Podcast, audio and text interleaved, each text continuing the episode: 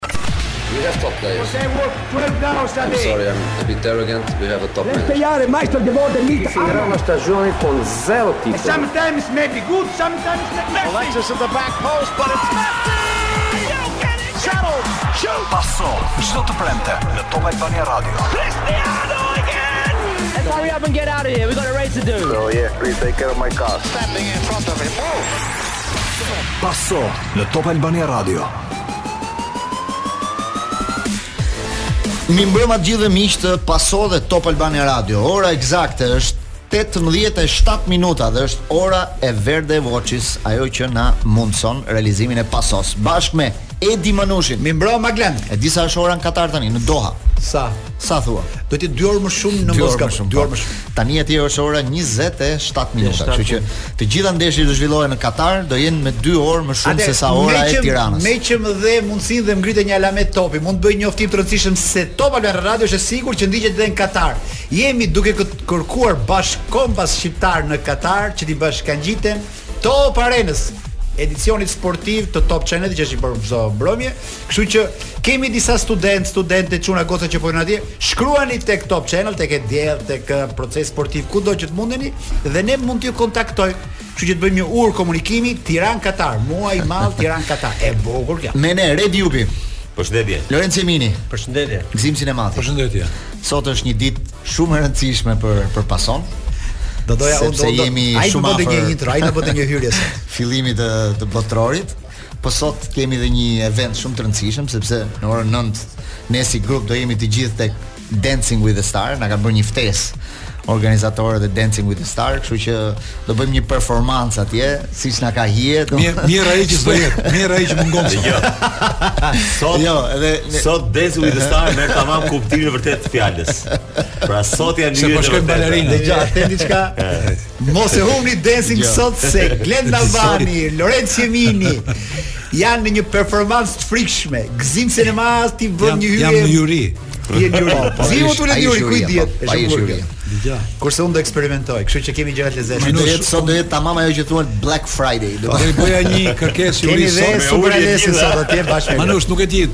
plotësohen dëshirat atje apo jo ke kjo ke ky spektakli se unë jam mësuar ke horizontet e tyja atë çka do bëja një kërkesë atyre t'i thoja Manushi në gjithë këto vite i ka bërë gjithë të kërcejnë bëjeni të kërcejë Manushin da atë do bëjnë ata sot atë do bëjnë do shohësh sot sa gjëra që s'i ke parë po filloj të mendoj që qenke pjesë e skenarit të tyre diabolik si ka qenë kjo kjo javë për ju djem si si ishte si shkoi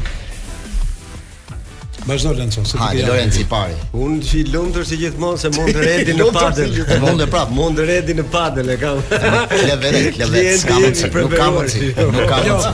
Ej, vetëm në Shqipëri nuk shkon fjala me qenë i lumtur dhe ky me një padel dhe lumturohet. I kam thënë Lençit. Sa i flas me fjalë ka. Lenço si je?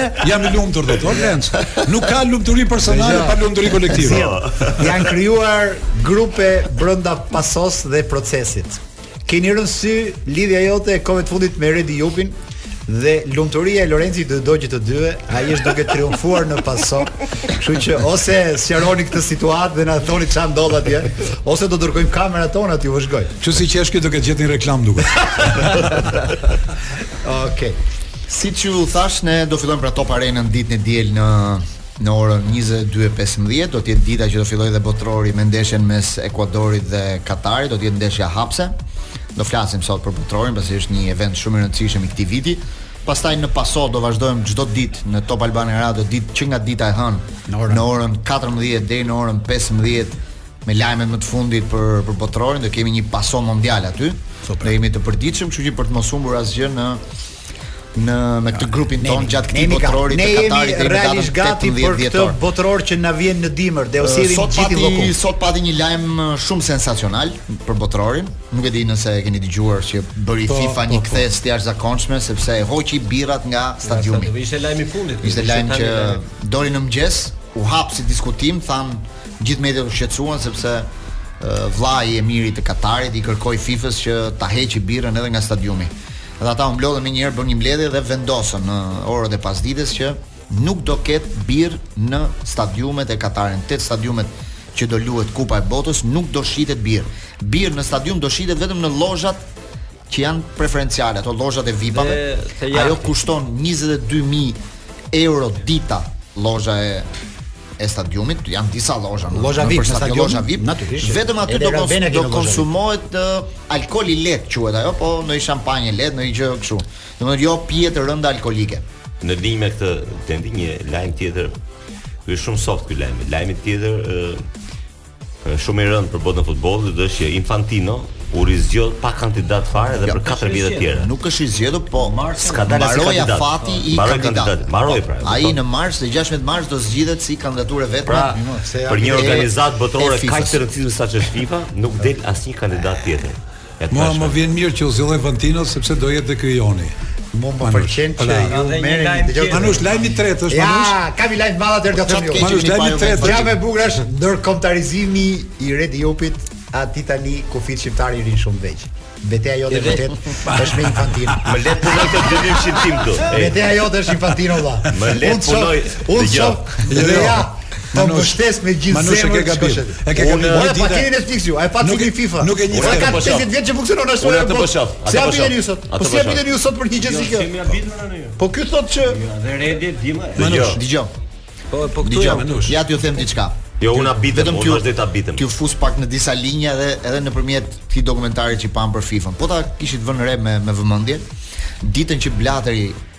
bëri njoftimin që njëri botëror do shkonte në Rusi, tjetri shkoi në Katar.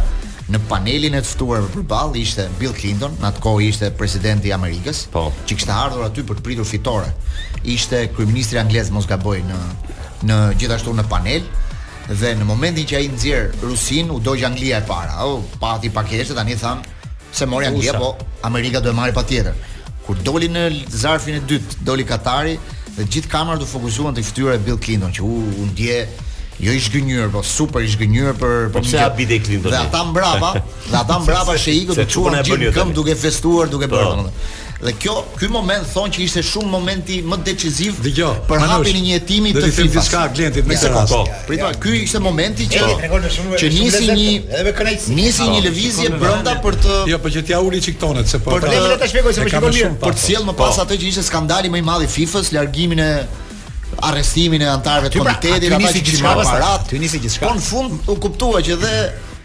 Qëndrimi i Blatërit aty deri në një farë kohe, ë kalimi i Kupës së Botës në Katar ishte gjithë gjithçka një politikë që Blatëri qëndronte aty. Po, tashti, tashti më fal. Sot, ha, sot më... Infantino rizgjidhet pasi e ka çuar botrorin në Amerikë. E ka çuar botrorin në Amerikë. 64 minuta nga Verdi Watches, më themi jo, reklamë. 26-ën botrori do të zhvillohet në Ja, ky është gabimi. Kanada. Ti krahason Katarin me Amerikën. Mbrapa mbas reklamës mm -hmm. do të shpjegoj pak se çfarë funksioni është ka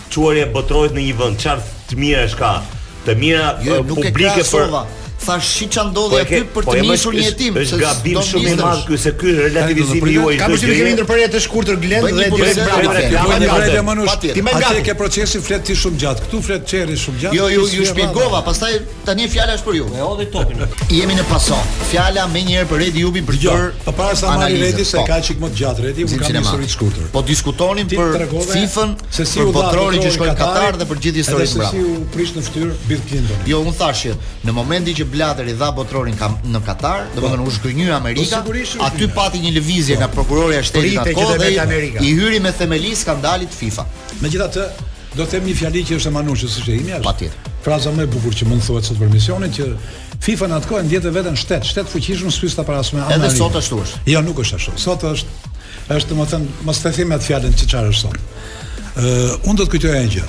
Kur the ti për Bill Clinton që prishi fytyrën, m'u kujtua një fjali e Bill Clintonit tek libri i tij. Ka një frazë shumë interesante që thot, në dy vend, dy vende s'duhet të jesh. Ku bëhet sallami dhe ku bëhen ligjet. Thot Bill Clinton. Ai duhet të thoshte s'duhet të jesh tre vende. Ku bëhet sallami? S'duhet të jesh ku bëhet sallami, s'duhet të jesh ku bëhen ligjet dhe ku jepet botërori. Se ku jepet botërori, jepen para të mëdha Manush, jo Katari. S'e diskutoj. Po ti je i sigurt që edhe ne sikur të kishim rreth e qark naftë e gjëra do na vinte botërori. Ne na erdhi evropiani avash avash se na doli pak naftë. Lëvizmë. Atë pse është pse është gabim të, të çosh Katarin, pse është çon botërorin në Katar. kur çon botërorin ose europianin po themi në një vend ose në disa vende siç ishte modeli Ukrainë Poloni për shkak se pse ato do t'i marr si shembull për të shpjeguar ë ka një xhiro biznesi do të ardhura nga ai botëror jo FIFA por vendi organizator ka rreth 15-20 miliard dollar kjo është Nga këto rreth gjysmë ose pak më tepër shkojnë për infrastrukturën, pra për ndërtimin e stadiumeve, të aeroporteve dhe të highway, të këtyre rrugëve, të metrove, të rrugëve, metrove, gjithë këto. Po.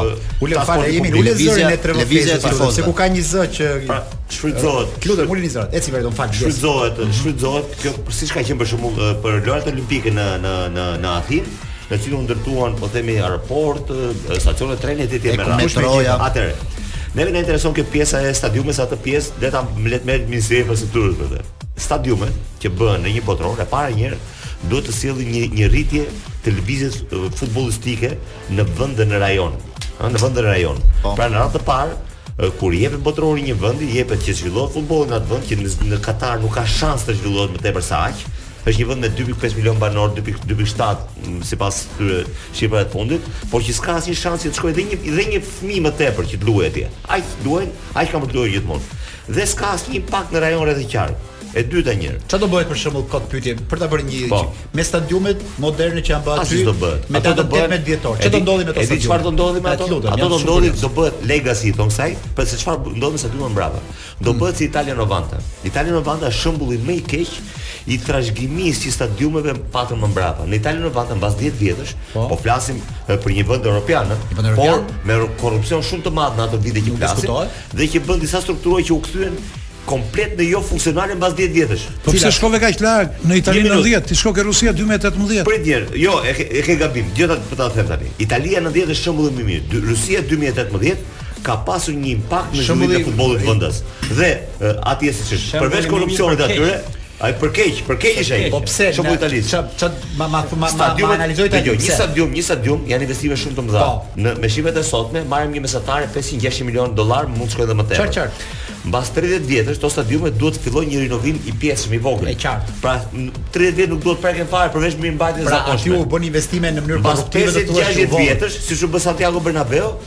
bëhet një rinovim më i plotë, në mënyrë që stadiumi të jetë bashkohor dhe mbas 50 vjetësh. Në Itali, Itali 90, mbas 10 vjetësh, Itali ato stadiume do të jenë funksione. Po te e ka çik. Po Wembley që u bë i ri, u hodhën 1 miliard. Italia ka 1 miliard. 1 miliard është për Wembley më shumë. Është programuar për për kaq më brapa. Ka ndryshe problemin Italia, sepse problemi është i pronësisë stadiumit në Itali. Pjesa më e madhe e tyre janë komunale.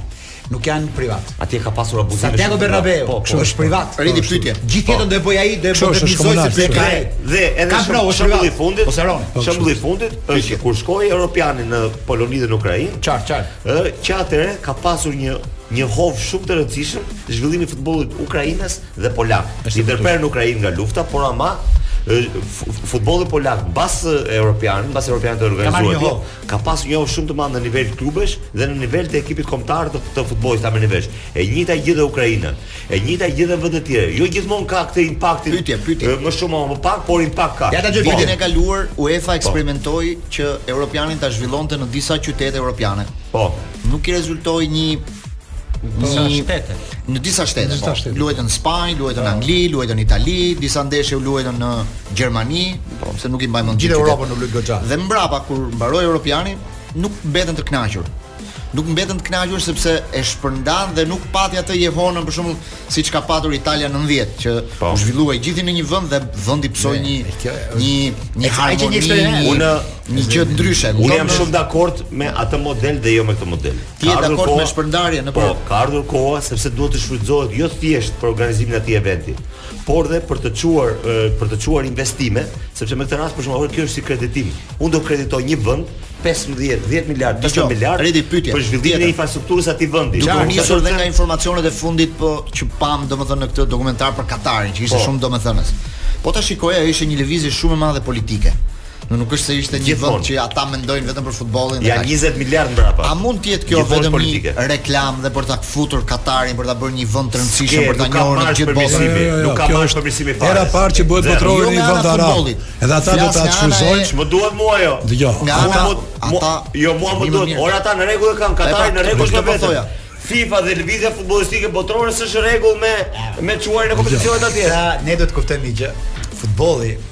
se me që e përmende vetë 90-të. Unë po shkoj në Spanjë 82, e 78 në Argjentinë. Sa më shumë kalojnë dekadat dhe këto 5 vjeçarë, futbolli është glamur. 4 vjeçar. 4 vjeçar, po jo po e marr me dekada. Ah, okay, domethënë se e kujtoj këtë filmin e Netflix FIFA-s për të kuptuar pa, si është për si është nga brenda ky lloj organizate. Pse kjo organizatë e kalon edhe Vatikanin për nga omertaja, për nga mënyra negative e bërjes së zgjedhjeve se si aty ndahen zarfet historikisht, si vijnë dhurata nga gjithë bota, si ata e çuan kët histori në Afrikë që të merrin vota nga Afrika, se sa sa keq ndodhi kur nuk shkoi ajo vota e famshme nga Platini tek ai zotëria i Europës Veriut. Johansoni. Johansoni, se po ta merrte Johansoni do sillte kulturën e Europës Veriore në ndarjen e dallavereve, nuk do ishte kaq keq. Po. Që atëherë Anglia u bë ishull, tha këta tha me këta të merrem unë tha, por hap një rreth tha, unë do bëj këtu futbollin më të shtrenjtë në botë e afus atyre. Dhe Premier Ligën, ajo s'do me ditë për asnjë në botë, e ka bër Enkas me synimin e qartë dhe i ka dalë formula. Ça ndodh? Kur ti ke një organizatë që të votojnë 60 veta, u habit Amerika, pse s'fitum ne tha presidenti? Tha po s'duan ata. Ça janë këta? E panë ata si zgjidheshin? U, po këtyre s'ke ç'i boke thanë. Si u zgjidh këmba po këtyre? Çka? Kush ka shkel ligjet amerikane? Ndiqeni atë shpejt e shpejt. Po. Mirë çarçaf, arrestin tak tak tak. Ka çmend? Po, në një situatë ku ti nuk ke ça i bo votimeve, ja them për analogji. Ose përdoret ky sistem, ose Qëndroni më pas kam pas kam shumë dëshirë të bashkëpunoj me këtë lloj manushi. Ka një manushëri. Sot ka një manushëri. Sot ka një manushëri. Ishte gjithë në analogji për këtë ne. Bukur. Se ky joni merr gjithë votat. Edhe duhet të vijë Amerika. Po po. Duhet të vijë Amerika ta marrë këtë tonë. Këtë tonë nuk ka çfarë të bulon, nuk ka çfarë të bulon. Ne jemi 100 fjalë. Kam dëgjuar sot një formulë në një debat gazetarësh në Itali. Shumë interesant Manush. Thoshte, ndjesë pastë ai burri tha, ka qenë i mrekullueshëm tha, po ne nuk u sollëm mirë. Burri thoshte për burrin më të madh që ka futbolli, kë ka Manush? Presidenti Federatës. Diego Maradona. Po. Ah, për Diego. Kur ai burrë tha, se na vjen. Tha i pari në botë dhe botën e çuditi fare, tha tha FIFA është mafia. Po bra. Këta burrat e nxorën të droguar tha. Patjetër. Po sot tha, Që gjysma botës po bërtet tha që FIFA është mafia, të gjithë drogë po përdorin. Po prandaj, po, po prandaj është heroi, po prandaj është heroi. Po, po, prandaj është heroi. Ai pra ishte heroi po, rebeli. Jo, tani ke dokumentari thotë dhe diçka për Maradona. Kishte një moment edhe për Maradonën. Pse Maradona ishte në botërorin amerikan? Nuk ishte se donte FIFA, donte Amerika. Amerika kishte kusht. Po. Botëror pa Maradona ne nuk bëjmë. Po donin një yll atje. Po donin ata ku do vitën. Kur ai erdhi ata filluan të merren gjithë me ata. Ata thanë, "Jo, si do merren ata me të goditën ata, e goditën pastaj që siç ndodhi e tani historia historia përsëritet si në makro, që është FIFA, edhe në mikro që janë këto vendet si që unë që vetë don se gozoj fare. Po sa më po shkon aq më po. Që ta zbusim pak se kishim shumë të rëndë problematikën. Të të fusim një reklam vlogë. Ka problemin, autori na fut në kështu. Sot, se ti më the se kalove jo, po- ditën ose javën. Javën. Një nga deklaratat më të bukura që më ka pëlqyer për botërorin është deklarata e Cristiano Ronaldos, mm. që tha: Kam qejf të dalin në finale, tha. Portugalia me Argjentinën. Ndeshja të dalë 3 me 2 tha dhe golin vendimtar ta bëj unë tha. Në qoftë se ndodh kështu tha unë lë në çast futbollin. Sa dëgjova këtë deklaratë, m'u kujtua historia më e bukur me një mamaje që donte djalin Manush, ah, futbollist, teknik si Maradona, golashënues si Pele, si ky si ai, edhe tha, në fund fare tha, Po ti si do i tha një grua mama je tjetër, tha unë dua sulmues tha, të gënjejë gjithë ekipin kundërshtar, po. po ama që ta humbë golin dhe gjithë stadiumi ta shajë nga mamaja. Ai më këtu Ronaldo, ti do të gjitha si nga mamaja. Edhe ja deri po, edhe ajo mamaja, i bën fytyra shollë aty nga mamaja, se sa kanë sharë vonë. Ajo mamaja thotë në stadium Unë jam ajo. Kjo është kolona zanore e botërorit të Katarit, quhet Haja Haja dhe do të pak a shumë përkthehet të gjithë së bashku, më mirë së bashku, do të po të rrimë gjithë bashkë. Është një waka aty mrena diçka kështu. Është këngëtar amerikan nga Trinidad, që quhet Trinidad Cardona, njëri, tjetri është nga Nigeria, quhet Davido.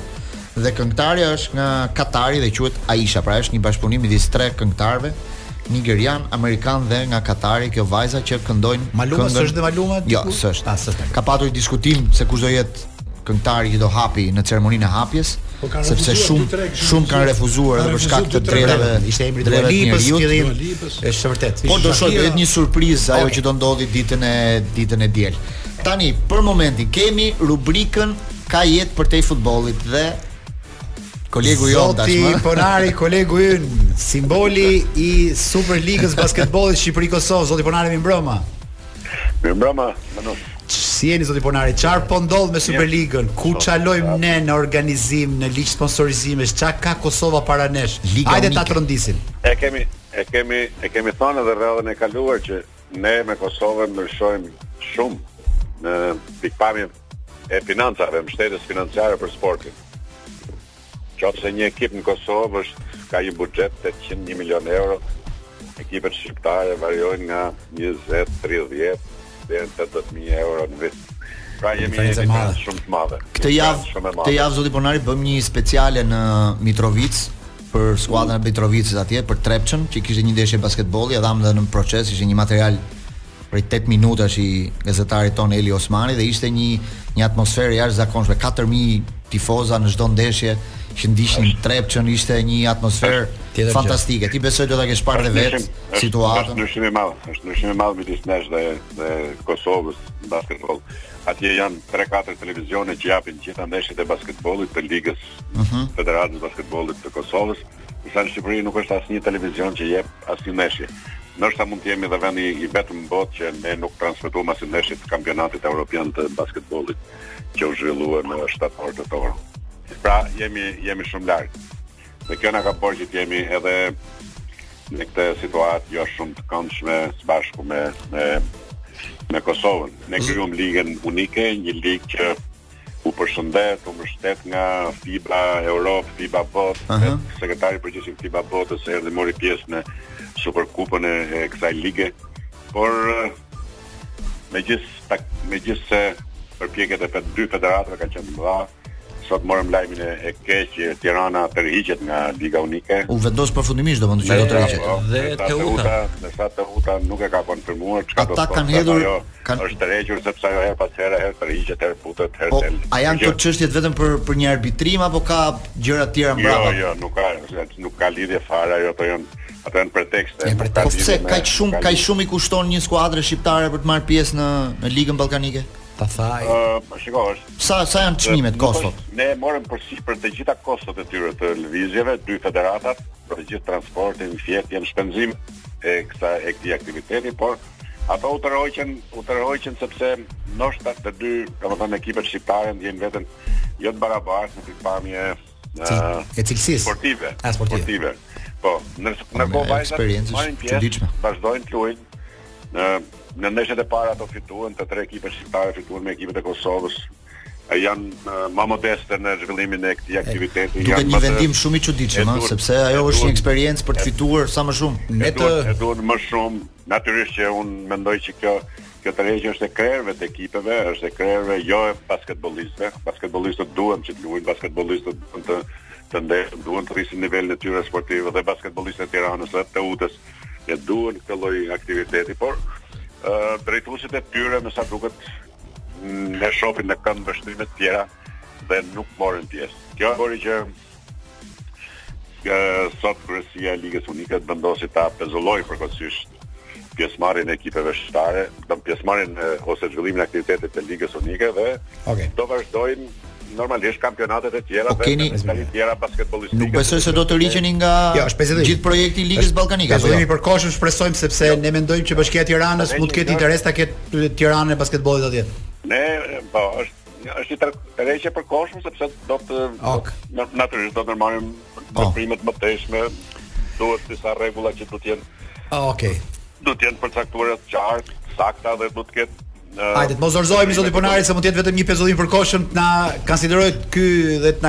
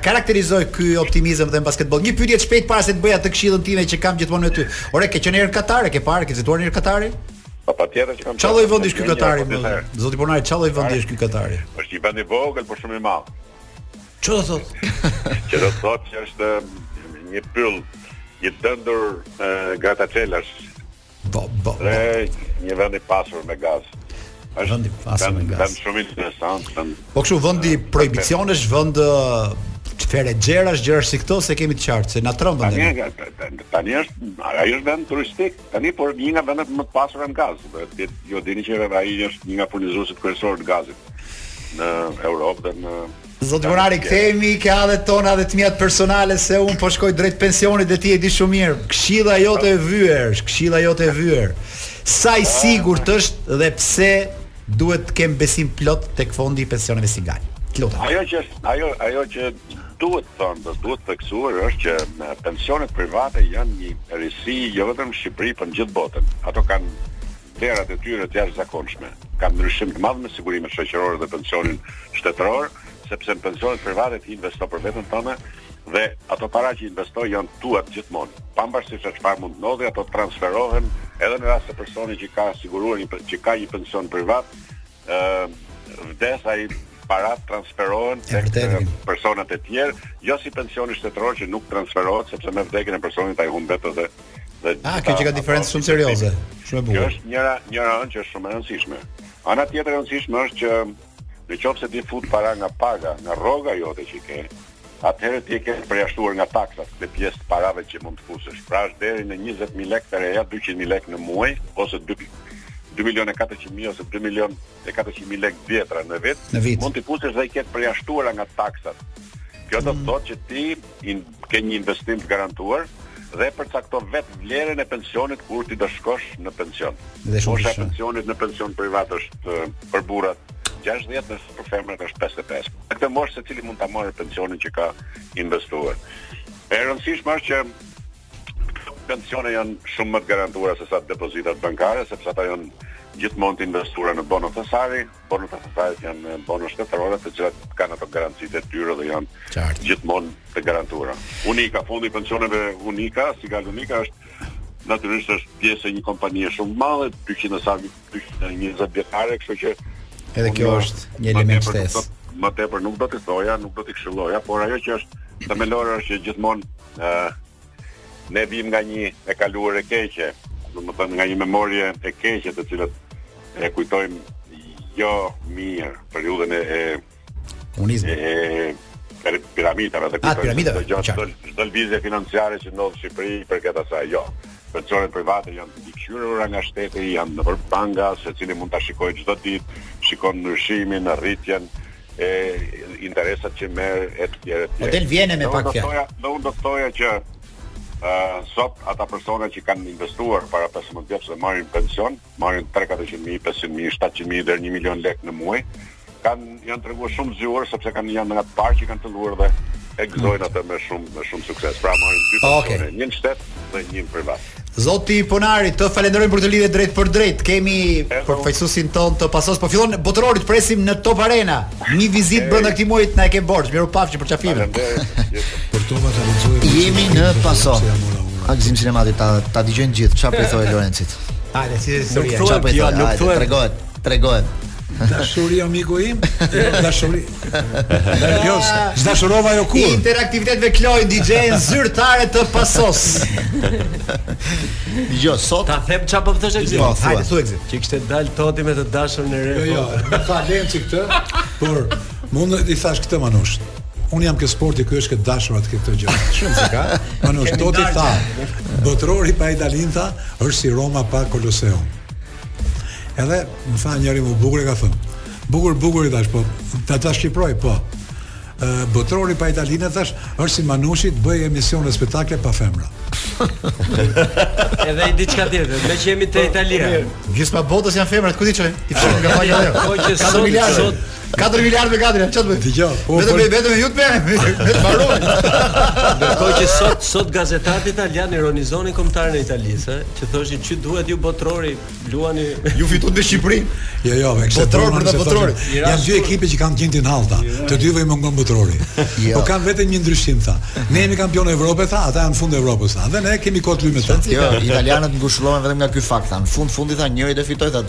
31 tjerët do jenë zhgënjyer. Njëri e fiton. Po dhe një diçka tjetër që të për botërorin. Ajo që thatë për pijen, për birrën, mm. se nuk është vendosur përfundimisht, sepse FIFA është vendosur përfundimisht. Jo përfundimisht. Nuk do ketë birra brenda stadiumit. Ta mbaroj, sepse FIFA ka një kontratë me Budweiserin që ka kontratë shumëvjeçare 75 milion euro po. dhe nuk mund ta prishësh në mënyrë të njëanshme se flasim te jemi te reklamat këtu një jo, mirë. a mund mund të lënë atë birën pa alkool ata aty dhe mbaron filmi. Brenda stadiumit nuk do ketë madje ata kanë krijuar dhe zona ku tifozëve që do pinë në vende të caktuara, t'i dali pija. E marrin, e çojnë atje t'i dali pija. Di çfarë bëri pija? Do të thotë, di çfarë bëri për shembull deri në Katar që u habita për një pyta ponari. Çi si është Katari më? Ti ecën trotuar? E të vjen ajri i ftohtë nga poshtë, nga po. nga ka kondicioner nëpër trotuar. E tha këtu tha tani është 18 gradë, tha ajo goca që fliste, që e ka freskët. Në fakt po mos ishin këto kondicionerë do ishte 35 32 gradë. 30 po, gradë në mbrëmje dhe ishte projekti para në Manush Shorëzua. Çeka dhe tani e di se ishte frikshme atje. Kur ata po, fituan botërorin në 2010-ën, projekti i tyre ishte ta luanin nëpër stadiume të mbyllur. Po u rrëzua, Do ishin të gjithë stadiumet me kondicioner po. të mbyllur dhe ai plan u rrëzua. Po prap janë me kondicioner stadiumet, mos kujto. Janë me kondicionerë stadiumet dhe dikush është edhe mund të janë si këto variantet e këtyre barëve me freskim po të pra, me këto me sot lajmi më i freskët më është një gazetar danez që bënte reportazhin në rrugët e Katarit dhe E kishin marrë, e kishin marrë ata agjentët, e morën kamerën t'ia thynin. Unë do unë do duhet t'ju lë sepse në orën 7 nisem për Dancing with the Star, do iki çik para jush se do përgatis situatën. Pyetje për Ediupin që ta dëgjojnë gjithë njerëzit. Futboll, për herë të parë ne shohim një botëror në nëntor. Çfarë do të thotë kjo merret nga ana e gjendjes së skuadrave? Mos vallë skuadrat europiane shkojnë shumë më mirë se në qershor që janë të sfilitura nga kampionatet e po, lodhë e stërlodhshme. E thoshte edhe Keros, mos vallë do kemi Iranit. Mos vallë do kemi një botëror spektakolar dhe shumë të bukur.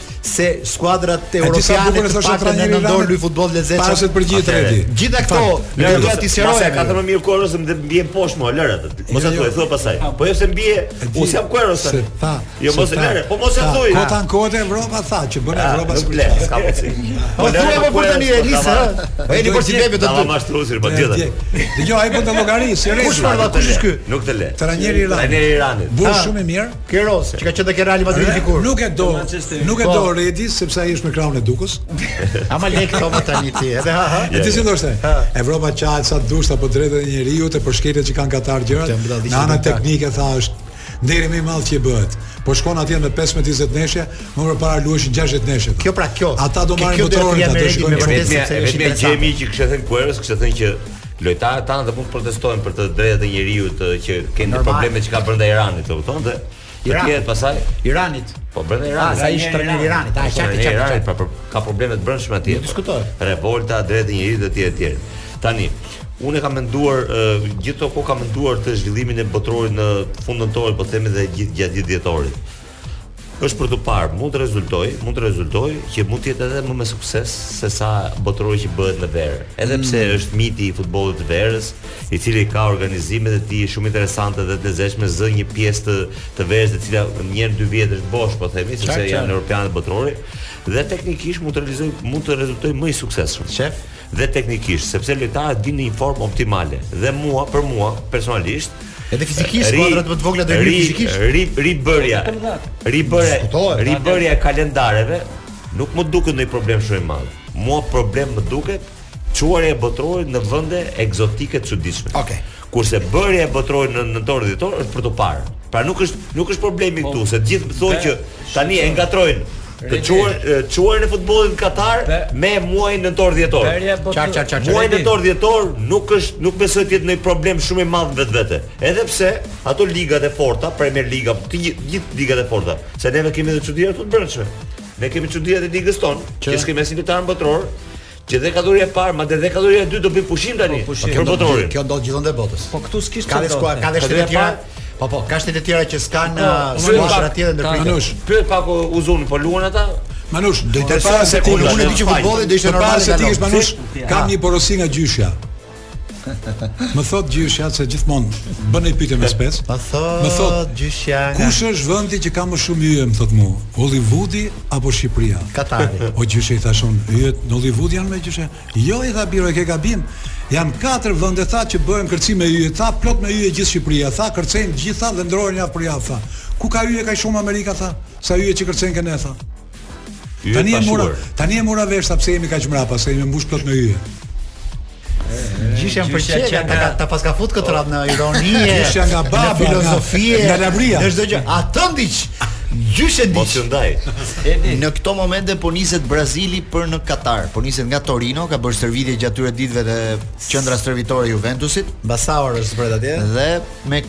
charter sa të ndiqni faqen e procesit sportiv se aty në... do ju informojë momentin kur sot, avioni ulet. Polonia, Polonia ka kaluar të gjithë në ajër kur është ngritur charteri polak ka qenë i shoqëruar me dy avionë luftarakë sepse kishin frikë mos binte ndonjë predhë mund të caktoj mund të caktoj më këmbësin e Po. Je i lashtë o Manush? Caktohem. Zim Sinemati merr stafetën.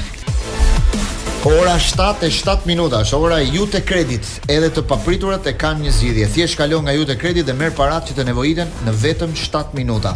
Mbaro punë me Iuten. Sot të gjithë klientët e Iutes kanë mundësi të marrin një kredi të paraprovuar vetëm me një klik, pa patur nevojë për asnjë interaksion human. Ata mund të tërheqin fondet kudo pranë ATM-ve të tyre në njëzet e katër orë ose nëpërmjet aplikacionit My Iute. Jemi në Paso me Lorenc Eminin, Redi Jupin dhe Gëzim Sinematin. Doja të flisnim pak edhe për për ndeshjen e kombëtares, sepse jemi mes dy sfidave, zhvilluam një ndeshje me Italinë. Pësojmë një tjetër humbje, dhe për të thënë të vërtetën është viti i parë mos gabohem që kombëtarja nuk ka asnjë fitore gjatë gjithë këtij viti. Kemi dhe një ndeshje të fundit. Ndeshje pa asnjë fitore. Kemi dhe një ndeshje të fundit me Armeninë nesër në Air Albania në orën 17:30, nuk e di. Ë uh, në një ndeshje që krijohen shumë raste, një humbje që është pak më e lehtë, ndoshta që kalon më lehtë, por prapë mua ka filluar të më shqetësojë pak kjo situata që po mësohemi me humbjet. Dëgjo, unë po i bie pak më shkurt sepse isha në koment Edhe e kam thënë dhe opinionin tim pak a shumë gjatë ndeshjes, kështu që mund të flas edhe Gzimi e Lenci. Po mua në këtë ndeshje më shqetësoi shumë mënyra se si se si u mbrojt ekipi jonë. Në asnjë në asnjë ndeshje, në asnjë ndeshje në këto vite që në këto gjithë këto vite që mbaj mend unë, ekipi jonë nuk ka qenë më i goditshëm se sa në këtë ndeshje. Duhet të kuptoni një gjë që deri në minutën e çfarë minutën vëm golin neve? që bëri Ismajli golin në minutën 20 mos gaboj. Deri në 17 metra sa ishte. Po, rreth minutës 20. Deri në atë minutë Verrati nuk ishte futur fare në lojë. Po e shikoja me shumë interes. Dhe sepse është i vetmi lojtar i madh që Italia ka, domethënë nga ata që ishin në fushë, përveç Kiezës, Barelës që ishin në stol. Nuk ishte futur fare në lojë, me jo me dëshirë maksimale për të luajtur, po themi. Dhe në momentin që neve bëmë golin, ata filluan të të të, të luanin pak, të luanin të impenjoheshin pak. Ata u futën në zonë sa herë donin. Bënë shumë shpejt golin e parë, bënë golin e dytë shumë shpejt. Bënë sa herë ata impenjoheshin për të bërë diçka, domethënë, arrinin atje. Neve kjo kjo mua më shqetëson për të ardhmen e ekipit. Pra në, në prizmin e kualifikueseve të ardhshme, që ky ekip pikën më të fortë që ka pasur me De Biazin dhe me trajnerët e tjerë, e ka pasur që ishte një ekip që mundej vështirë shumë. Pra edhe kur mundej, mundej shumë vështirë. Kurse këtë radhë, mua nuk më kënaqin ato 2-3 raste apo dy shtylla që goditëm. Mua më shqetëson faza mbrojtëse e jonë e gjithë ekipit që ishte shumë vulnerabël këtë radhë. Gzimi. Unë do ta nis nga episodi thjesht për të treguar se sa kombëtare të rastësore kemi që Dhe është, domethënë, është shumë fakt, domethënë, ai thotë 10 humbje, kjo është qamet i zi, domethënë. 10 tu... ndeshje pa fitore. 10 ndeshje pa fitore. Po, mirë po i quajmë humbje. Po, se barazime. Po, mirë, mirë, se barazimet i kemi dinjitoze. uh, unë të thoja një gjë, që tregon komplet, domethënë, sa rastësorë jemi me kombëtaren. Futet Skuka minutën e 88, 88 dhe bën histori për pak minuta. dhe kthen opinionin minuta bën tre gjuhë. Me po, me bën tre gjuhë, bën rafishat, bën një histori që nuk e bënë të tjerët për 90 minuta. Dhe them domethënë që si është kjo punë domethënë neve kemi nënvlerësu gjithë kohën Superligën, biles u tallëm me ekipet që sajoi presidenti që mori për të marrë lekët në Arabi dhe në Katar. Tash këtu ka lojtarë që ai i provon 3 minuta dhe tani ndjen pendesë trajneri jonë dhe thotë që Skuka ishte personazhi i ndeshjes. Po si qenka Skuka personazhi i ndeshjes, Skukën e ke parë gjithë kohën, kemi gjithë këtë kohë që e ndjekim, ai është Skuka, domethënë po të provonte dhe njerëz të tjerë ai, po t'ia shkrepte një ditë, se këtu duhet, uh, kam përshtypjen që një trajner i moqëm, siç është ky dhe profesionist i vjetër, duhet në vazhdimësi ta gjykosh një njeri, jo vetëm me një ndeshje. Ky s'i dha mundësi kurrë lojtarëve të Superligës. Ky i njohu lojtarët e Superligës në Arabi, Vetëm në Arabi tha që unë ndjehem pishman tha që s'jam marrë me Superligën. As lojtarët e ishte i degraduar. Ai është i shkarkuar, është rrugës, duke ikë në Itali dhe thot tani më leni edhe ca kohë se do respektoj më shumë kampionatin tuaj. A i bie që do bëjë një gjithë shikim, me gjithë respekt, do bëjë një shikim tha sot. Rejën, erdhi në mënyrë të dyshimtë dhe po ikën akoma më dyshimtë se çfarë. Se di sa po kujtuat tani. Në konferencën e shtypit po. tha që do nëse do jem prap trajneri i kombëtares në në mars Jo, jo vetëm Asllani, po mund të bëj disa zgjedhje të tjera lojtarësh, sa po, domethënë, po, kupton, për të larguar ndoshta lojtarët që nuk e ndjejnë shumë kombëtaren. Domethënë, ishte pak a shumë. Pa i vetëm ndjeu 30, ndjeu vetëm kombëtaren ai. Se Redi teknikisht e shpjegoi Gëzimi. Jo, mua më më shqetëson kjo pjesa e mbrojtjes që kemi mbrojtjen më të mirë ndoshta që kemi patur për për emrat që kemi. Dhe është ne që vetëm pësojmë gola, janë 13 gola që kemi pësuar gjithë 2022-shin. Po, jo, ti pse është kjo që themi dhe nuk e gjejmë, sepse ky ekip keq përdoret. Komtarja keq përdoret. Jo Serie A apo Premier League t'i kishe, prapë s'ban mbrojtje do na i lidhë në baltë. Ajo që shikoj unë te Komtarja Glend është që aty s'ka harmoni fare një.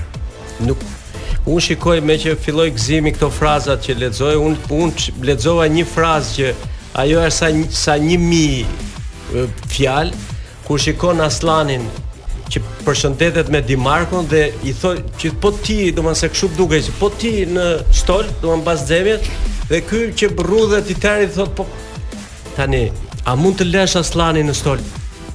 Dhe të luash me Abrashin. Ne s'do të çuditemi. A ka mundësi të ndodhë kjo gjë në një ekip kombëtar? Ai do leta sllama. Po falzi. Dhe kur e pyesin në Po edhe Bare edhe dhe Abrashi të dy s'futen para Asllanit asnjë. Jo, jo, është pas po, se e kisha mbas këtë. Dhe kur e pyesin Asllanin që, "Ore, mos ka ndonjë gjë personale me trajnerin?"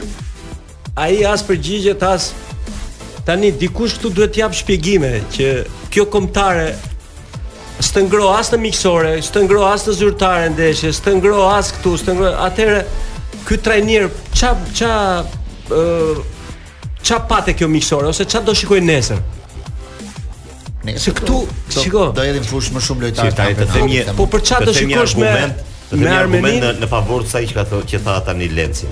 Ekipi kombëtar jonë shqiptar ka funksionuar gjithmonë dhe kështu do funksionojë. Di çfarë bësh ne? Ne kemi pasur Muça që i fusin mesfushës se nxirrnin 10 veta apo 11 veta bashkë me portierin, Dhe këta do luanin se s'kishin çfarë t'i bënte atyre, do s'kishin çfarë t'i bënin. Po ka më as gazetar, as po. trajner, po kështu ka qenë se vinin me automatik ta po, atëherë, do. Ore ret, po. Dhe dhe me sulmuesi luanin mesfushor. Sulmuesi luanin qendërmbrojtës. Ë sulmuesi luan mbrojtës krahu, ku dish po. Pra t'i fusnin diku domethënë, e kupton? Dhe kjo m'u kujtua atë ditë. Pra kemi marrë, do të thënë, fundërrina i kemi futur, i kemi dhënë nga 60 ndeshje po themi dhe një lojtar super talent, super lojtar i cili që sa u fut, më thuaj një shqiptar që nuk e ka kuptuar personalitetin dhe cilësinë e Asllanit. Po pa diskutim ose s'e bleu Interi kot 22 milionë. Shiko. Dhe si ta vazhdoj logjikën. Ta vazhdoj logjikën Glen se për mua shumë e rëndësishme me një ekip kombëtar si Dhe në çdo lloj sporti, sidomos sportet që janë kolektive, është fryma. Unë shikoj që këtu nuk ka frymë fare, nuk ka respekt. Domethënë, nëse është një ndeshje që Asllani duhet të ishte i pari.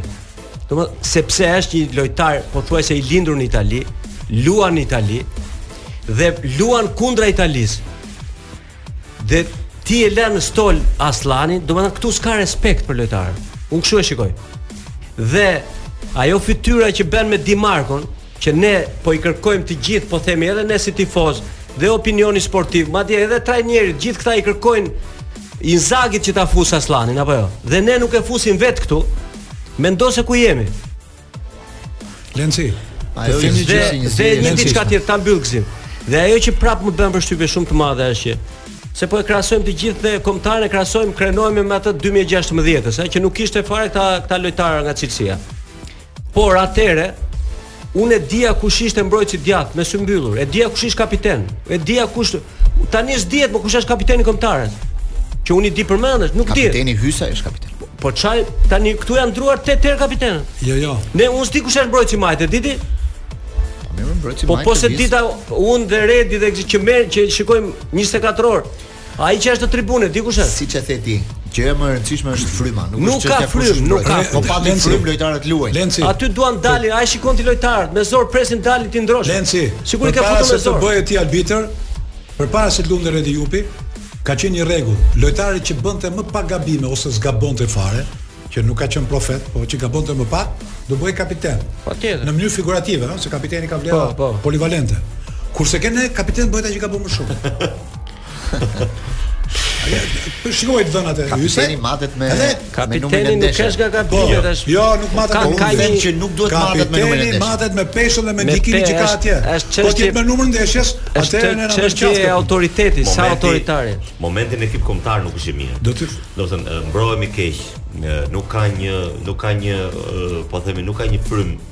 sepse kur ka dhe rezultate të këqija, pastaj amplifikohen dhe disa probleme që ka brenda. Se po të kesh disa rezultate, dhe problemet sheshohen. Probleme ka dhe Portugalia, nuk i flisnin ata Cristiano Ronaldos. Po. Mos kujtoni se nuk ka ekip pa probleme të brendshme. Por këtu në këtë moment, domethënë ajo pasiguria për trajnerin, pasiguria për trajnerin, sepse vetëm në në në neve na ndodh që neve kemi lënë dhe kemi kombëtare pa 3 muaj që mos pa, që mos harxhonin për rrogën e trajnerit, e kupton? Neve e lëmë tani se ia lëmë një njeriu dhe ai tani kur si të zgjohet ai, si ta jo, shohim atë. Po e zgjedh apo nuk po e zgjedh ai. Pra, ja ta mbaroj, ta mbaroj. Kundërshtoj pak, jo të të po, ndalësh nga kjo. Po. Ai nuk e lë se po kursen lekët. Se po të jetë për lek, historia e lekëve atje mund të bëjë një temë inceneratorët e futbollit. Po. Pa lëre tre muaj kombëtare pa trajner, Për të kuptuar gjithë njerëzit sa e rëndësishme është trajneri për Shqipërinë. Po edhe kjo. Shqipëria është pa trajner. Po. Shqipëria dhe kur ka trajner është pa trajner. Po. Se drejtojnë ata sipër. Është e vërtetë, ka ndërhyrje shumë sa shumë. Kur thatë ju çfarë? Kur thatë ju çfarë? Që ne sulmuesit shkonin me qisnin mbrojtës i djathtë mesfushor këtej, më kujtua një rast i freskët fare. A e mori Edi Reja dhe e çoi mbrojtës djathtë Roshin? Pësum gol tamam ke krahu Roshit. Po. Si guxoi ai? Nuk e dinin ata kush është Roshi? Ky edhe çfarë ndikimi kishte një mijë ndeshje kombëtaren tonë? Po. Dhe erdhi ky që e lexon po. ndeshjen, futbollin, e mori Roshin dhe më bëri mbrojtës djathtë. Mu aty, pastaj u fajësua Roshi për gabimin e golit. Po, jam jam dakord me këtë. Pra, ka një ka një është një moment jo i mirë, jo një moment jo pozitiv. Rezultatet nuk janë në favorin tonë. Lojën nuk po e kemi. Pra nuk po ndërtojmë lojë në në fazën mbrojtëse që ishte një gjë të paktën që jemi dalluar në këto në 6 në 7 vjet e fundit, pra 8 vjet e fundit që nga 2014 e këtej që filloi fushata për Europianin, pra është një gjë që po çalojmë shumë. Ëh dhe të gjitha këto tani ëh na vijnë dhe me probleme në në zgjedhjet. I kemi trajtuar keq disa lojtarë, Asllani është një nga këta, Broja, po shumë shumë lojtarë të tjerë po themi, ka ndërhyrje në mënyrën se si bëhet po, lista e lojtarëve dhe formacioni dhe të gjitha këto në fakt që janë pak pra.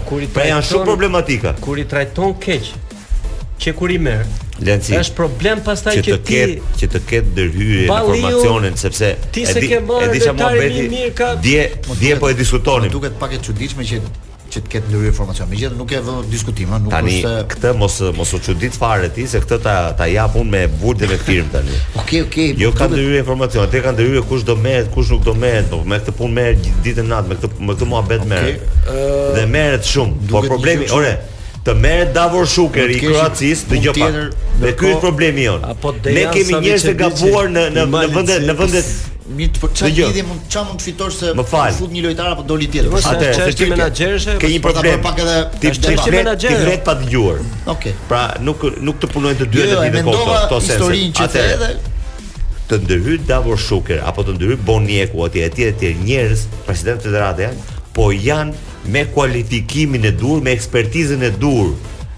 Pra ish futbollist, trajner, administrator etj etj. Kur ti ke një president federate që nuk ka lidhje fare me futbollin, domethënë e, e minimumi i tij është që të zgjedhi të zgjedhi ai me një staf teknik, po themi, të zgjedhi personi që të jetë përgjegjës për për këtë punë pra dhe për diskutime me trajnerin.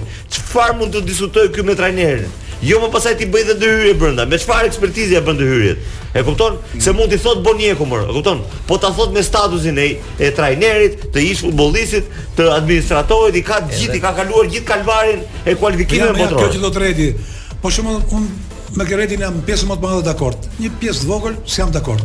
Ai u bë 20 vjet që ndërhyn ke trajnerët. Ai është bë trajner vet. Po tani aty ja jep ekipin vet. Ai ta marr ekipin, sa ai ai kot që mban trajnerë, sa ai i përdor si lolo trajner. Po puna është thua ai që shkon ke arbitrat dhe bën moviolën.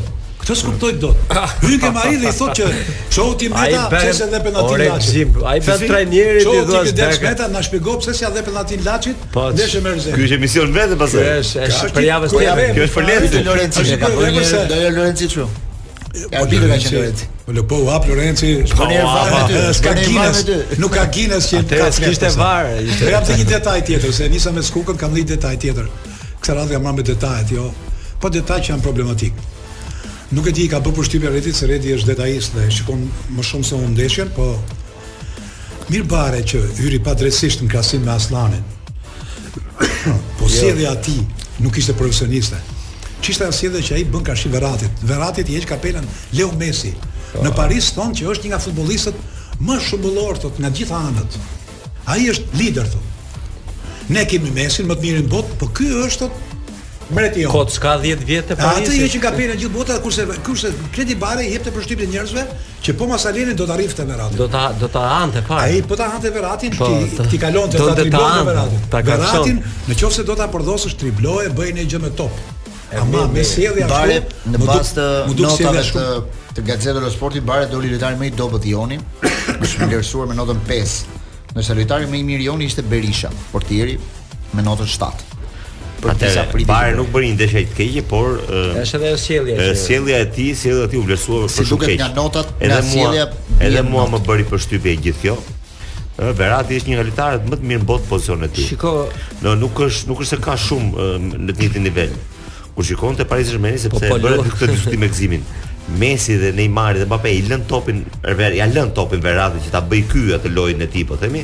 Do të thotë ai ka besim. Merre me mend se çfar çfar çfar dimensioni ka ky lojtar dhe edhe Do të thënë, uh, edhe nga mënyra e sjelljes së të luajturit duket si Xavi, si Iniesta, si vazhdim i brezit padukshëm.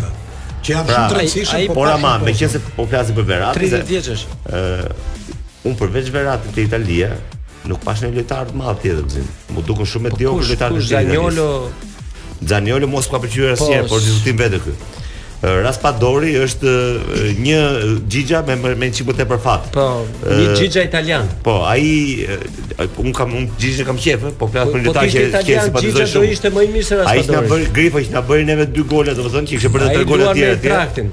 Do që të luaj ai me kombëtaren italiane, Do të thënë është pak e çuditshme. Në pikën në Gjermani. Dhe pastaj në pikën e vetëm të mirë. Pra, pa diskutim. Kjo kjo është tani që që unë atë ditë pash, jo. përveç se pash problematikat e ekipit ton, sepse ka dhe tifoz italian shumë në Shqipëri, ëh. Po. Unë jam dashamirës, jam një nga ata, po themi.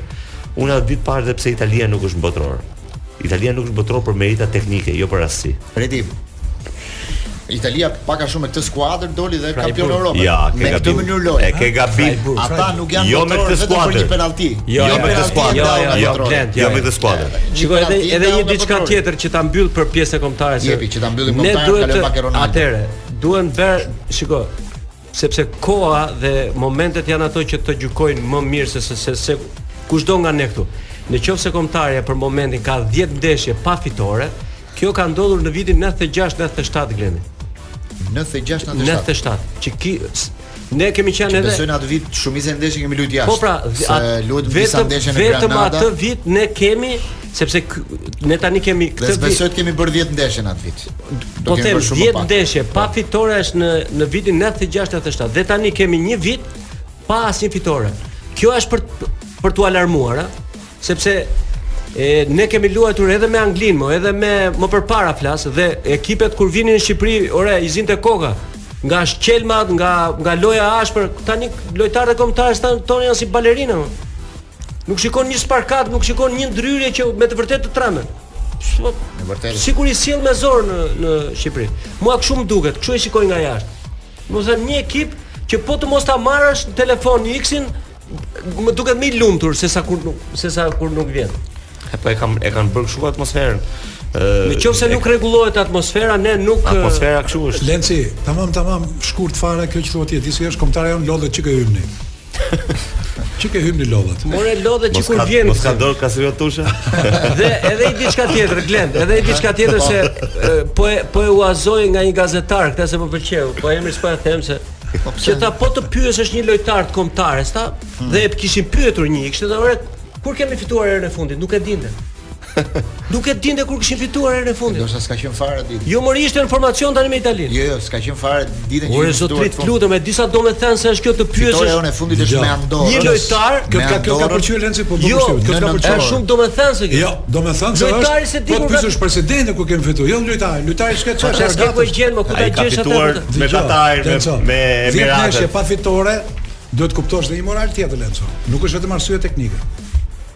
Se dhjetë ndeshje pa fitore prishën ka lavë. Patjetër, po, unë këtë po them. Po ne jemi nga ata që bëjmë çudira, bëjmë magjira që humbjet i kthejmë fitore. Dhe edhe një diçka tjetër se merr dikëzimi fiks. Ore, më bën dhe përshtypje një diçka tjetër. Shikoj dhe lojtarët.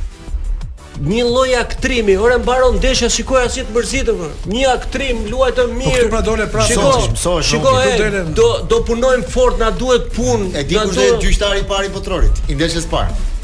Jepi një. A e morët vesh për ndeshjen e parë që ka dalë. Jire një. Ka dalë prapë historia. Është evropian. Që ndeshja ka mbaruar ka fituar Evropian. Me duhet edhe si te Kuici. Dani Makelie.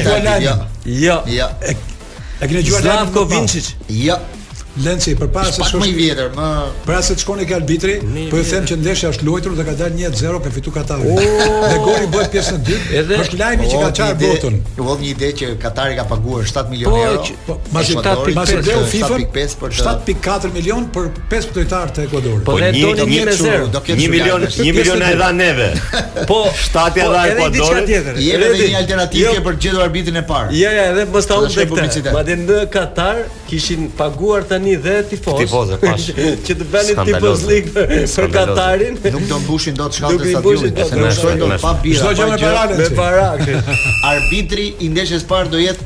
Orsato. Abaz Zuzi, s'të dashurova kurrë në këtë botë. Rubrika Je i lashtë Manush sot. Dashurova kurrë, jo s'të dashurova. S'dashurova kurrë në këtë botë, po. Ai se kishte gjetur. Jo. Rubrika për juve ka qenë zgjedhur sot në Aksim Cinemati. Kurse unë dëgjoj këtë këngë shpesh. Kur dal nga liqeni, një herë në ca ditë ndjej këngë Bazit dhe kam se një. Po, pra, një hyrni shpirtëror. Na fol pak për Abaz Zuzi. Bazi është ka qenë këngëtar i talentuar, nuk jeton më. Mund të flasi Sandër Gjoka ose Dashnor Diko, kanë qenë nga grupet e liqenit, që këndonin atë me kitarë, me zë të jashtëzakonshëm, dhe Abazin e zgjodha dhe për një histori tjetër. Uh mhm. -huh. Sepse një ditë këtë këngë po e këndonte dikush tjetër, e vuri një miku jon në magnetofon dhe i thash, Edhe i Jorgjit. Ja, jo. Jorgji, Jorgji, Jorgji. I ndjeri Jorgji nuk jeton, ishte ishte muzikolog vllai, mhm. studios. Mm -hmm. I thash Jorgji, thash, keq më vjen që un s'kam shans të të kritikoj ty ke muzika, të të qortoj, por Abaz Zusi thash është kulmi, është mjalti i kësaj këngë thash. Këta të tjerët i vin rrotull. Çohet një grua nga tavolina tjetër dhe thot, "Ju lutem, thot, dua të trokas gotën me juve." I thamë ne po prezantohu kush je, thamë se ne nuk njohim. Unë jam gruaja e Abaz Zusit tha, ju dëgjova rastësisht. Ti dëgjova bisedën. Dëgjova dhe bisedën tha dhe dua t'ju respektoj. Dhe thash, shiko thash kur kujton një mik të mirë, një me një zë të pavdekshëm, ndodhin dhe historira të këndshme. Paharruar. Shumë e bukur. Abaz Zusi, si do duhet do ti tani?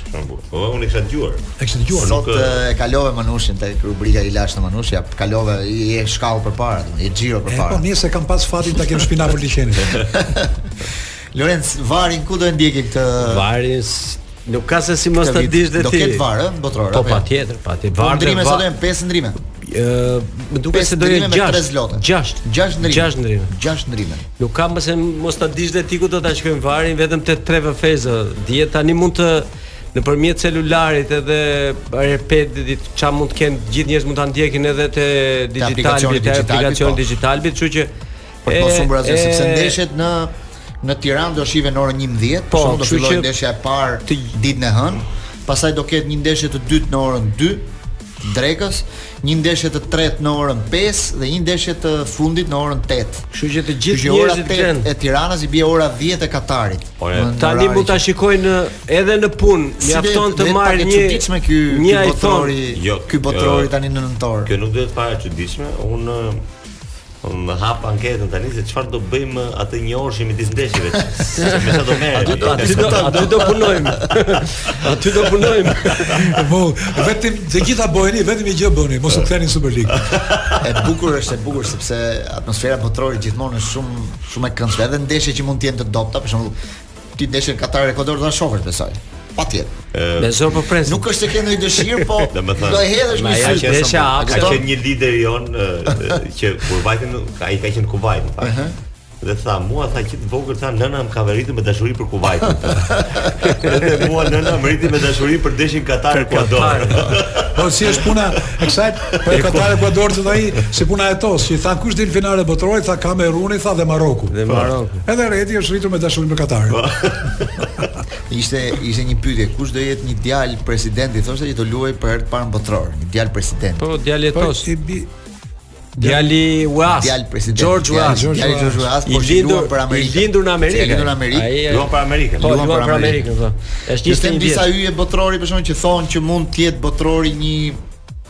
kampionat që ata mund të shpërthejnë, për shembull mund të shpërthejnë dhe më shumë, se shumica prej tyre kanë shpërthyer tashmë. Njëri prej tyre është Alfonso Davies, 22 vjeçar me Kanadan. Po. Janë lojtarë që botërori mund t'i mund t'i jap një tjetër Përmasë. Një tjetër rritje, një tjetër përmasë. Ai me Bayern luan ku do vejë më. Dakor. Po mund jo, jo, botërori gjithmonë është vitrinë.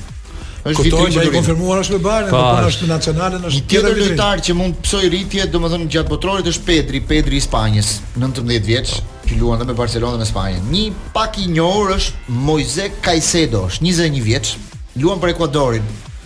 Po. Dhe është lojtar i Brightonit në Premier League, thonë që është një lojtar që botërori mund ta ndryshojë nëse bën një fazë grupesh të mirë. Me Ekuadorin, a? Po. Një tjetër lojtar është me Amerikën, dhe quhet Brenden Aaronson, është lojtari i Leeds United në Premier League, edhe ai ka bërë një kampionat të mirë në këtë në këtë fazë të Premier Ligës, por me Amerikën mund të jetë një shans për t'u për t'u rritur. Dhe po shikoja pak Redi shumica e lojtarëve të Amerikës luajnë në Europë dhe luajnë me ekipe të rëndësishme. Do thotë që dhe ata kanë pretendimet e tyre në përpara, në këtë botëror, domethënë përpara ca kohësh nuk kishin shumë lojtarë. Po para një 6 apo 7 vjetësh, të gjithë janë të shpërndarë nëpër Europë. Kam parë një ndeshje Amerika U17 me Austrinë U17. Ja Austria në ato vite me nivel moshe U17 ishte shumë e fortë. Pra 13-0 pjesën e parë pata mundësi se ne kishim një mhm. ndeshje tjetër dhe duhet shkoja të kapja ndeshjen tonë, po themi. Unë nuk kam parë një ekip moshe që dominonte aq shumë një ekip tjetër në një pjesë loje, një ekip shumë të mirë siç ishte Austria, dhe aty tha aty pashë që ishin uh, ata kanë fatin e madh që kanë gjitha po themi hispanikët, irlandezët dhe gjitha kanë disa kombësi aty brenda, të cilët luajnë shumë futboll ata vet. Ëh pra janë janë oh. kanë këto naturalizimet që merren pra pra dhe dhe nuk është një kombëtare për t'u anashkaluar sepse kanë kanë kanë vërtet cilësi dhe vijnë nga një kompeticion që tashmë nuk është aq i lehtë pra për t'u kualifikuar siç bëjnë ata janë bërë të forta të gjithë grupet në të gjitha ato skuadra në ato grupe janë bërë të forta. Kështu që është një kombëtare e fortë, por që të shkosh atje deri atje, që të thua që do do do do jetë surpriza e madhe për botërorin, do të kuptojnë që botërorin në jo gjithë historinë. Jo Amerika, lojtarë, thonë, flasim për lojtarë. Në gjithë historinë e botërorëve vetëm 8 skuadra kanë fituar.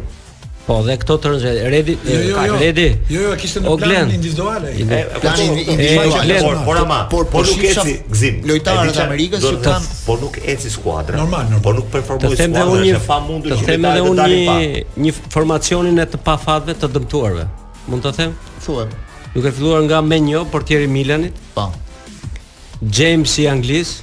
Po, Reece James. Diego Carlos i Brazilit. Po. Chilwell i Anglisë. Mhm. Mm Kante. Po. I Francës, Wijnaldum që është me Hollandën. Po. Le Celso që është me Argjentinën. Lo Celso. Lo Celso, po. Pogba, po dihet. Pogba, po. Coutinho, Werner dhe Diego Jota. Ke harru Manen.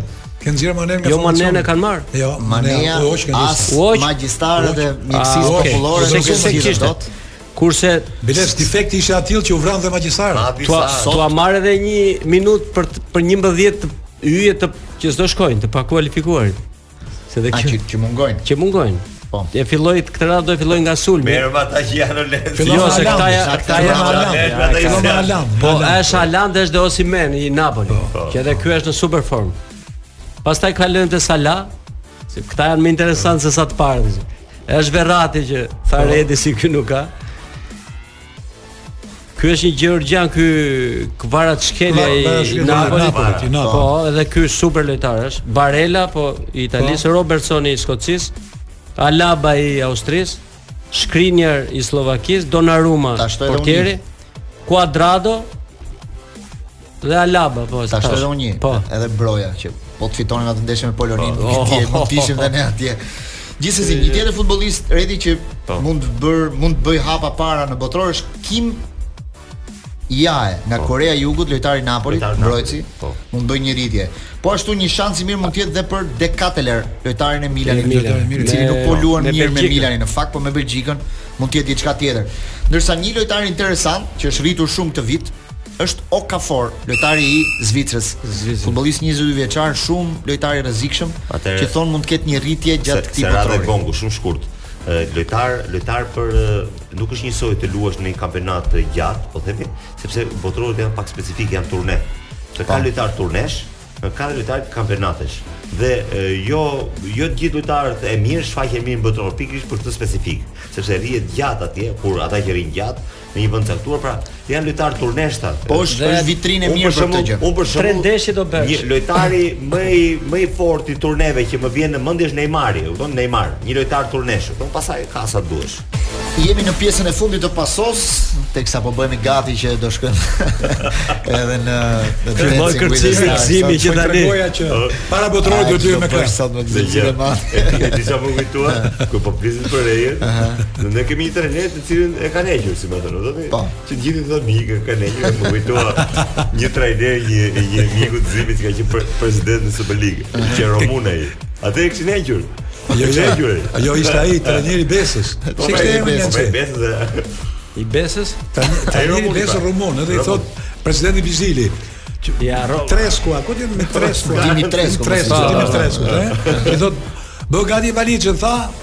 Nesër tha Ruman, Rumania.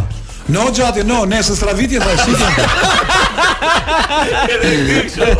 Ikë do, jo, do, alenamento. Se thoshte, i shkruan dhe njëri sot me humor. Ju thoni s'ka qenë pak Panucci nga Italia, po Mancini e bëri detyrën e vet tha. Bëri fotografi me kryeministrin shqiptar tha. Po, po. Kurse ky tjetri tha italiani jonë tjetër tha, edhe ka dalë pension dhe s'do me dalë tha. Dëgjo. Dy gra një tha. Këto minutat e fundit do doja ti të diskutoni pak këtë çështjen Ronaldo, se është bërë çështja e javës në në Angli sot madje Manchester United ka nisur një ka bërë një njoftim që do të nisë një betejë ligjore me të për t'ia prishur kontratën në në momentin po për atë, pas asaj deklarate që ai ka dhënë nuk ka si ka mundësi që nuk ka si mundësi të rrijë më në Manchester të shkoj në këtë histori qe e qëllimshme sepse që shumë shumë po sot Gary Neville tha ai me këtë mënyrën se si po ikën tha ai do prishë dhe ato jo, që kishte jo, jo, ndërtuar jo, më përpara tha nuk do ikë më si si një lojtar i madh Ronaldo njerëzit kanë njerëzit për shembull Reutersi dha disa pamje që me vin çata në Old Trafford po grisnin fotografinë, po, po grisnin po fotografinë e Ronaldo, ishte një pamje që pa dinjitet, domethënë jo, ikje, ikje pa dinjitet, kështu siç po ndodh. Kështu siç shkoi kjo e dyta, sepse ishin dy epoka, që epoka parë dhe epoka dytë. Kështu siç shkoi epoka dytë, më mirë ta ta fshijë me këtë ikje që bëri, do të thënë. Është është e studiuar. Po flasim për një njeri i cili ka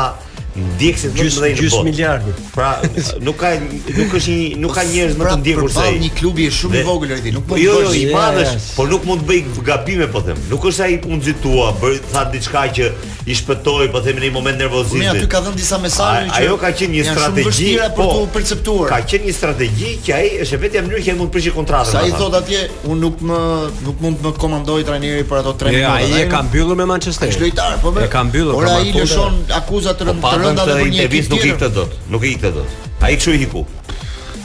Sa sa kohë atë takimin e pe takimin që bëri me Bruno Fernandes në dhomë, edhe dorën shumë të ftohtë. E shpjegoi sot Bruno Fernandes. E shpjegoi sot. Sot e bëri shpjegimin edhe ishte shpjegim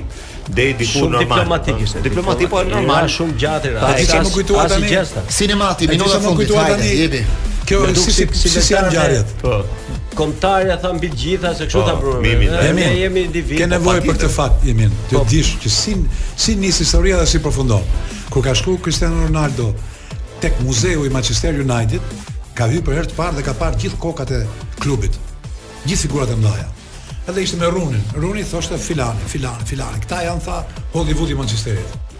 Neti, neti, Runi vazhdonte, ai rrinte atje. Hajde tha çfarë bën. I shikon këta këtu tha, këta do i rrëzoj njëri mbas tjetrit, tha unë do jem më i madh se këta. Në atë klub e ëmri kokën tash. U bë i madh dhe ajo i prish shumë imazh. Ai sot Redi është e vërtetë që ai është ka gjysmë miliardi ndjekës. Është ka është sportist shumë i madh në nivel me Messi, ne kemi krahasuar gjithë këtë 10 vjeçar, Por ama gjithmonë njerëzit e ulnin poshtë vetëm prej sjelljes së tij.